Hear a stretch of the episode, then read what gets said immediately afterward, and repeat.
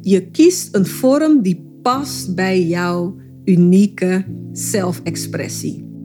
En omdat je iets doet wat volledig met je resoneert, heb je joy in het moment dat je het aan het doen bent. Daaraan weet je dat je aan zelfzorg doet. Het is tijd dat je afscheid gaat nemen van het oude denken. Zoals jezelf continu te moeten bewijzen, bevestiging te zoeken bij andere mensen en het eeuwig twijfelen aan jouw waarde. Waarom? Omdat jij een unieke goddelijke expressie bent waar er maar één van is. En daarom is nu het moment waarop jij het leven gaat creëren waarvoor jij geboren bent.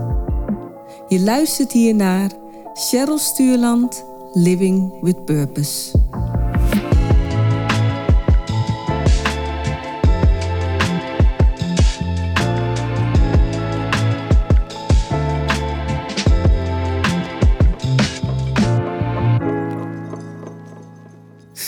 14 jaar geleden werd ik geconfronteerd met de grootste vorm van zelfafwijzing die ik voor het eerst in mijn leven had meegemaakt. En het was een enorme confrontatie voor mij. Maar ik had niet door op dat moment dat dat een enorme spiegel was waar ik in keek. 14 jaar geleden had ik mijn eigen haarwerkbedrijf, pruikenbedrijf. Het heette Solution Week. En ik had het toen al een jaar ongeveer een klein jaartje. En ik kreeg steeds meer klanten die vanwege een medische uh, reden een pruik zochten. Dus tot dat moment verkocht ik mijn haarwerken via een soort van Tupperware party-achtige concept. En ik had vooral klanten die, net als ik, Surinaams-Antilliaanse eh, achtergrond, die niet met hun eigen natuurlijke haar wilden lopen en die die pruik ook als het ultieme oplossing zagen om ja, met mooi haar te lopen. En ik kreeg dus steeds meer medische klanten, dus ik ging op zoek naar een, uh, een winkelpand. En zodoende had ik net, ik denk een maand, mijn uh, winkel geopend. En ik werd gebeld. En de meeste mensen konden bij mij alleen maar op afspraak terecht. Dus ik werd gebeld door een vrouw en ik weet nog dat ik opnam. En dat ze tegen me zei van, ehm, mijn eh, zoon gaat je zo meteen bellen. En eh, ik wil niet dat je zegt dat ik jou heb gebeld. Ik zeg, oh, oké. Ja, want hij gaat je zo meteen bellen, want hij is al een tijdje op zoek op het internet naar een pruik. En ja, ik krijg het hem niet aan zijn verstand gepraat dat hij dat niet nodig heeft. En hij gaat je dus bellen om een afspraak te maken. En ik wil wel dat je gewoon ja, een afspraak met hem maakt, zodat hij ja, jouw professionele advies kan vragen. Of hij dat wel of niet nodig heeft. Maar naar mij inziens heeft hij dat niet nodig. En ja, ik, ik krijg het hem gewoon niet uh, duidelijk gemaakt. En misschien als hij het van jou hoort, dan neemt hij het wel aan.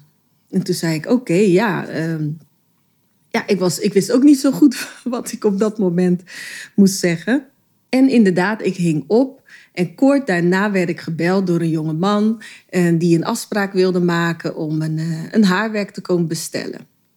En op dezelfde dag konden ze nog terecht. En ik weet nog dat ik wist dat ik die afspraak had staan. En de deur ging open. Nee, wacht even. Ze belden aan. Ik moest de deur open doen. En er stond inderdaad een vrouw en een jonge man met een enorme bos haar. Stond er voor me en ik liet ze binnen. En ik dacht eerst nog van, uh, nee, hun kunnen nooit de personen zijn met wie ik een afspraak heb. Dus zeg, kan ik je misschien ergens mee helpen? En hij zei, ja, ik heb een, uh, een afspraak met je gemaakt. Ik zeg, kom jij voor de haarwerk? en ik weet nog, ik keek naar die moeder en die keek me zo aan van, ja, I told you so, weet je, van, begrijp je nu wat ik bedoel? En ik weet, ja, jullie hebben natuurlijk geen. Ik laat me een beeld schetsen van deze jonge man. Een beetje een uh, Iraans uh, uiterlijk. Met nou ja, de meest volle bos haar die je denk ik ooit in je leven hebt gezien. ja, uh, niet heel kort, of tenminste niet heel lang bedoel ik. Maar echt vol glanzend, prachtige bos haar. En ik weet nog dat ik naar hem keek van... eh, heb je het nodig voor een, een optreden of zo? Dat je, weet je wel, voor carnaval, ik, ik noem maar even wat. Hij zegt, nee, nee, ik, wil, ik zoek echt gewoon een pruik... omdat ik mijn eigen haar is gewoon afschuwelijk. Ik keek, ook, ik keek weer naar zijn moeder en ik keek weer naar hem... en ik had echt zoiets van... Is hier een camera ergens? Eh, word ik hier nou in de maling genomen? Ik kon gewoon niet geloven wat hij zei. Ik kon gewoon zijn woorden niet geloven. Ik zeg, meen je dit nou? En hij keek me aan van, nou, ik heb toch duidelijk gemaakt dat ik mijn haar niet mooi vind, dat ik op zoek ben naar een pruik. Ik zeg, maar lieverd, heb je jezelf in de spiegel gezien? Ik zeg, ik zeg als er al een ideaalbeeld is waar, waar we soort van allemaal naar streven, dan ben jij zeg maar het plaatje wat iedereen meeneemt naar de kapper of zo. Maar hij meende het serieus. En hij wilde gewoon zijn haar afscheren. En hij wilde gewoon ook serieus als klant geholpen worden, weet je wel? En ik zeg tegen hem, ja, maar... ehm, ik zeg, ik hoor wat je zegt. Maar laat me één ding duidelijk maken. Ik ga jou geen haarwerk verkopen. Ik zeg, dit is totaal niet nodig. En in mijn optiek op dat moment was het voor mij wel nodig. Ik zei dus tegen hem van, kijk, mijn haar dat is kroes. En ja, dat kunnen we niet makkelijk eh, verzorgen en behandelen. Vandaar dat ik een haarwerk draag. En de meeste klanten die hier nu komen, zijn mensen die kaal eh, worden door gevolgen van chemo. Of die alopecia hebben en daardoor eh, kale plekken krijgen en steeds meer haarverlies hebben. Hè, die kiezen dan voor een maar niet omdat hun eigen haar gewoon gezond en vol is. En jij hebt gewoon een gezonde bos haar. Er is geen enkele noodzaak voor jou om een haarwerk te kopen. Dus ik ga jou geen haarwerk verkopen. En ehm, zijn moeder die zat er dus heel stil bij. En ze deed alsof ze me natuurlijk nog niet had gesproken. Maar ik zag zo de, de wanhoop in haar, in haar ogen van... Kijk, tuurlijk, als hij zijn haar zou afscheren, zou dat niet het einde van de wereld zijn. Ik bedoel, het groeit weer aan. Maar daar gaat het natuurlijk helemaal niet om. Je ziet gewoon dat ik hier te maken had met een jonge man en zij dus met haar zoon, die een totaal vervormd beeld heeft van zichzelf. En op dat moment herkende ik dat niet als een spiegel naar mezelf. Want ik zag, of laat zo zeggen, mijn visie was dat ik wel het haarwerk nodig had. Eh, Ik had zoiets van: nee, ik heb kroes haar, ik heb dat wel nodig. Ik zag niet in dat hij een enorme spiegel was voor mijn eigen zelfafwijzing. En ondertussen, terwijl ik daar zat, dacht ik van, deze jongen is niet goed bij zijn hoofd. En tegelijkertijd ook zo'n een, een diep triestig gevoel kreeg ik daarvan. En dat bleef eigenlijk gedurende de tijd dat ik mijn, eh, mijn bedrijf had. Vandaar dat ik een jaar daarna er ook mee ben gestopt. Maar ik weet nog dat ik thuis kwam van die afspraak. En uiteindelijk hebben we, ik denk wel een uur, hebben we samen met hem gesproken. Zijn moeder ook nog wel, maar die hield zich wat afzijdig. Want die had natuurlijk, hij was niet zozeer geïnteresseerd in haar mening. Hij was echt geïnteresseerd in mijn professionele kijk erop. En uiteindelijk heeft hij het geaccepteerd op dat moment. Ik heb uiteindelijk natuurlijk geen contact met hem gehouden, dus ik heb geen idee wat er daarna heeft plaatsgevonden. Maar ik heb hem in ieder geval geen haarwerk verkocht. En op het moment dat hij de deur uitging, was hij wel zo van: oké, misschien moet ik inderdaad met mezelf aan de slag. Want dat maakte ik hem duidelijk. Ik zeg: er is helemaal geen probleem met je haar. Er is een probleem met dat jij niet van jezelf houdt. En daar moet je naar gaan kijken en aan gaan werken. En ik weet nog dat ik dus thuis kwam met mijn partner en dat ik zo'n triest gevoel had van die dag. Dat ik gewoon niet kon geloven dat iemand zichzelf zo kon afwijzen. Niet wetende dat, en dat is wat ik mensen nu leer, hè, de kracht van de emoties, wat emoties je komen vertellen. Want in mijn geval, ik werd natuurlijk emotioneel geraakt. Hè? Ik werd getriggerd. Maar waar werd ik nou getriggerd? Zoals ik altijd zeg, je kan niet getriggerd worden als er niet iets in jou aangeraakt wordt. En dat iets in mij dat aangeraakt werd, was dat ik geconfronteerd werd met de zelfafwijzing die ik ook mezelf aandeed. Maar waar ik mij niet bewust van was op dat moment. Want ik zag het wel als een noodzaak dat ik een pruik droeg. En dat is dus een overtuiging. En die overtuiging is een zelfsaboterende overtuiging. Maar daar was ik me niet van bewust. Dus ik werd enorm getriggerd in dat moment. En niet wetende, ik had toen niet de knowledge en de bewustwording die ik nu heb, dat dat een spiegel was naar mij. Want het was voor ons ook niet nodig. En dan heb ik het over ons, eh, de zwarte vrouw. De vrouw met een, een, een andere krulpatroon. Want ik weet nu inmiddels van uh, Kelly van Fix Curl dat het niet kroeshaar is, maar een krulpatroon. En gewoon een kleinere krulpatroon. En dat kroeshaar in feite betekent beschadigd haar. En dat je haar zo uitziet, pluizig, omdat het ondervoed is en niet gehydrateerd is. En daardoor oogt het dus kroes. Dus ik ben inmiddels natuurlijk uh, goed onderwezen hierin. Maar het heeft dus uiteindelijk nog negen jaar geduurd, in mijn geval, voordat ik doorkreeg dat ik mezelf afwees. En wat ik wilde zeggen is waar deze vrouw natuurlijk, die moeder, zo zorgen over maakte, is dat zelfafwijzing begint vaak klein. Maar op het moment dat jij je niet bewust bent van de zelfafwijzing die de motivatie is achter alles wat je doet, kan die zelfafwijzing steeds grotere vormen aannemen. Want als je kijkt naar mijn situatie, ik was destijds nou ja, acht jaar oud, dus mijn moeder maakte die beslissing voor mij om mijn haar te ontkroesen. En uiteindelijk, waar eindigt het? Nou, dat ik een pruik nodig heb om de deur uit te moeten gaan. Want zonder die pruik ging ik de deur niet uit. En dus met andere woorden, op het moment dat je je niet bewust wordt van de zelfafwijzing, dan gaat het steeds destructiever worden. Want dat is hoe het mechanisme werkt. Dat is hoe manifestatie werkt. Het begint bij een onbewuste overtuiging in jou, waar je in gelooft. En dat projecteert naar buiten.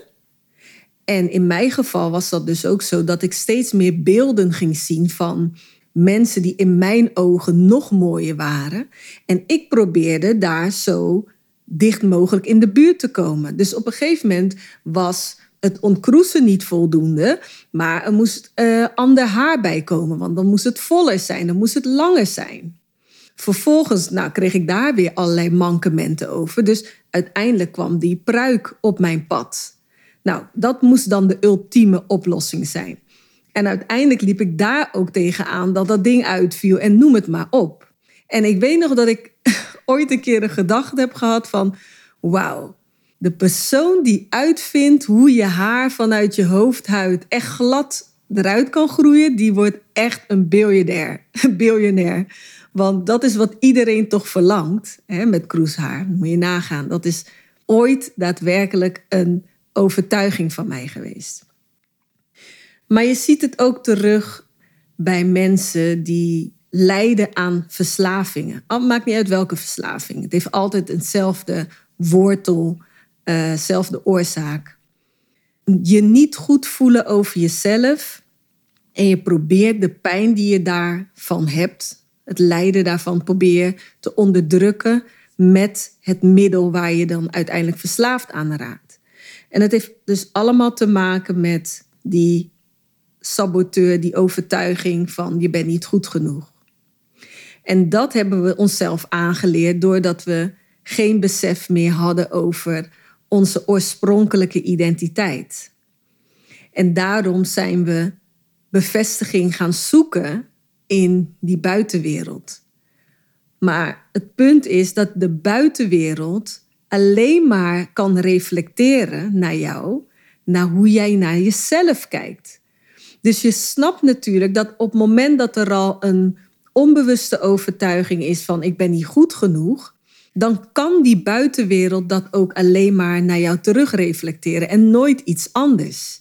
Dat is hoe de universele wet werkt. Dus ik snap dat deze moeder wanhopig was, omdat je gewoon ziet hoe je zoon de destructie ingaat. Hij was nu al bereid om zijn haar af te scheren, terwijl er niets aan de hand was met dat haar, omdat hij zichzelf niet goed genoeg vond. En hij wilde daarvoor een pruik hebben, in de hoop dat hij zich daardoor beter zou voelen. Maar ik kan je nu al vertellen dat hij zich niet beter zou voelen. Sterker nog, hij zou allemaal beelden zien. Maakt niet uit op straat of op social media. En toen was er nog niet eens uh, zodanige social media, behalve Hives. Maar hij zou allemaal beelden gaan zien van mensen met nog mooier haar in zijn optiek dan. Hè? En daardoor zou hij denken, oh my god, wat moet ik doen om daaraan te voldoen? Hè, dus die onrust, die zal altijd blijven totdat je doorkrijgt en dus bewust wordt van wat je aan het doen bent. Dus hoe kun je nou herkennen dat je jezelf afwijst en dat het niet zelfzorg is? Want zelfzorg komt weer vanuit een hele andere bron. Nou, zelfzorg ontstaat vanuit onvoorwaardelijke liefde. Het zegt het al, zelfzorg. Zorg voor het zelf, voor wie jij werkelijk bent. En wie jij werkelijk bent is liefde. Dus het ontstaat vanuit liefde en het stelt dus geen voorwaarden aan zichzelf. Het zorgt alleen maar voor zichzelf, zodat jij, wie je werkelijk bent, zichzelf hier tot uiting kan brengen, zich kan expressen. Het doen wat jouw zielsverlangen is. En dat lichaam is gewoon een fysieke verlengstuk van jouw ware zelf. En dat helpt en ondersteunt je bij die fysieke ervaring. Niets meer, niets minder. Dus vanuit zelfzorg creëer je gewoontes waardoor dat lichaam blijft functioneren zodat jij kunt doen wat je hier te doen hebt. Maar mensen zijn in verwarring geraakt en zijn gaan denken dat wat ze in de spiegel zien, dat dat is wie zij zijn en dat de conditie van dat lichaam hun waarde vertegenwoordigt. dus totaal in verwarring zijn we geraakt over dat lichaam en niet begrijpen waar dat lichaam toe dient en wie je dus ook werkelijk bent. Dus hoe kan je het nou herkennen? Want aan de oppervlakte kan het namelijk lijken dat je aan zelfzorg doet, terwijl het in feite voortkomt uit zelfafwijzing. Nou, een voorbeeld hiervan is bijvoorbeeld trainen. En mensen kunnen trainen vanuit zelfzorg en mensen kunnen trainen vanuit zelfafwijzing. En de motivatie daarachter bepaalt of jij of jij aan zelfzorg doet of dat het voortkomt uit zelfafwijzing. En hoe kun je dat nou herkennen in jezelf? Nou, bijvoorbeeld dat je op het moment dat je aan het sporten bent, geen joy ervaart. De joy ervaar jij pas als het lichaam eruit ziet zoals jij in je hoofd hebt dat het eruit ziet. Dus je werkt toe naar een bepaald resultaat en jij gelooft en vertelt jezelf dat je dan in joy bent. Dus het resultaat moet jou joy geven. Wat nooit gaat gebeuren, want jouw geest zorgt ervoor dat je je grens continu verlegt. En het allerergste is nog dat wij een samenleving hebben gecreëerd die dit ook nog eens bemoedigt en die dan denkt dat je dan jezelf aan het ontwikkelen bent. Maar in feite ben je jezelf gewoon aan het afwijzen. Wanneer is het zelfzorg? Als je je bewust van bent dat het lichaam het beste functioneert als het in beweging is. En je daardoor een bewegingsvorm uh, zoekt en vindt eigenlijk, dat volledig met jouw spirit resoneert. Dus is dat dansen, is dat hoepelen, is dat wandelen, is dat fietsen? Nou ja, de oneindige vormen waarin het lichaam kan bewegen, noem het maar op. Je, je kiest een vorm die past bij jouw unieke zelfexpressie. En omdat je iets doet wat volledig met je resoneert, heb je joy in het moment dat je het aan het doen bent. Daaraan weet je dat je aan zelfzorg doet. In het moment heb je joy. Niet vanwege het resultaat dat de training je moet geven. Nee, maar vanwege het feit dat je je door deze lichaamsactiviteit tot uitdrukking kan brengen. De spirit in je kan zich expressen. Dus de joy die je voelt is het antwoord van je spirit die zegt ja. Dit is wat ik wilde doen. Op deze manier wilde ik me tot uiting brengen. Je spirit is niet bezig met een resultaat, omdat je spirit niet bevestigd hoeft te worden in zijn waarde. Het weet dat het waardevol is. Dus op het moment dat jij leeft vanuit je ware zelf, ben je dus niet op zoek naar manieren om jouw waarde te bevestigen of te bewijzen, maar je bent alleen maar bezig om je waarde te leven.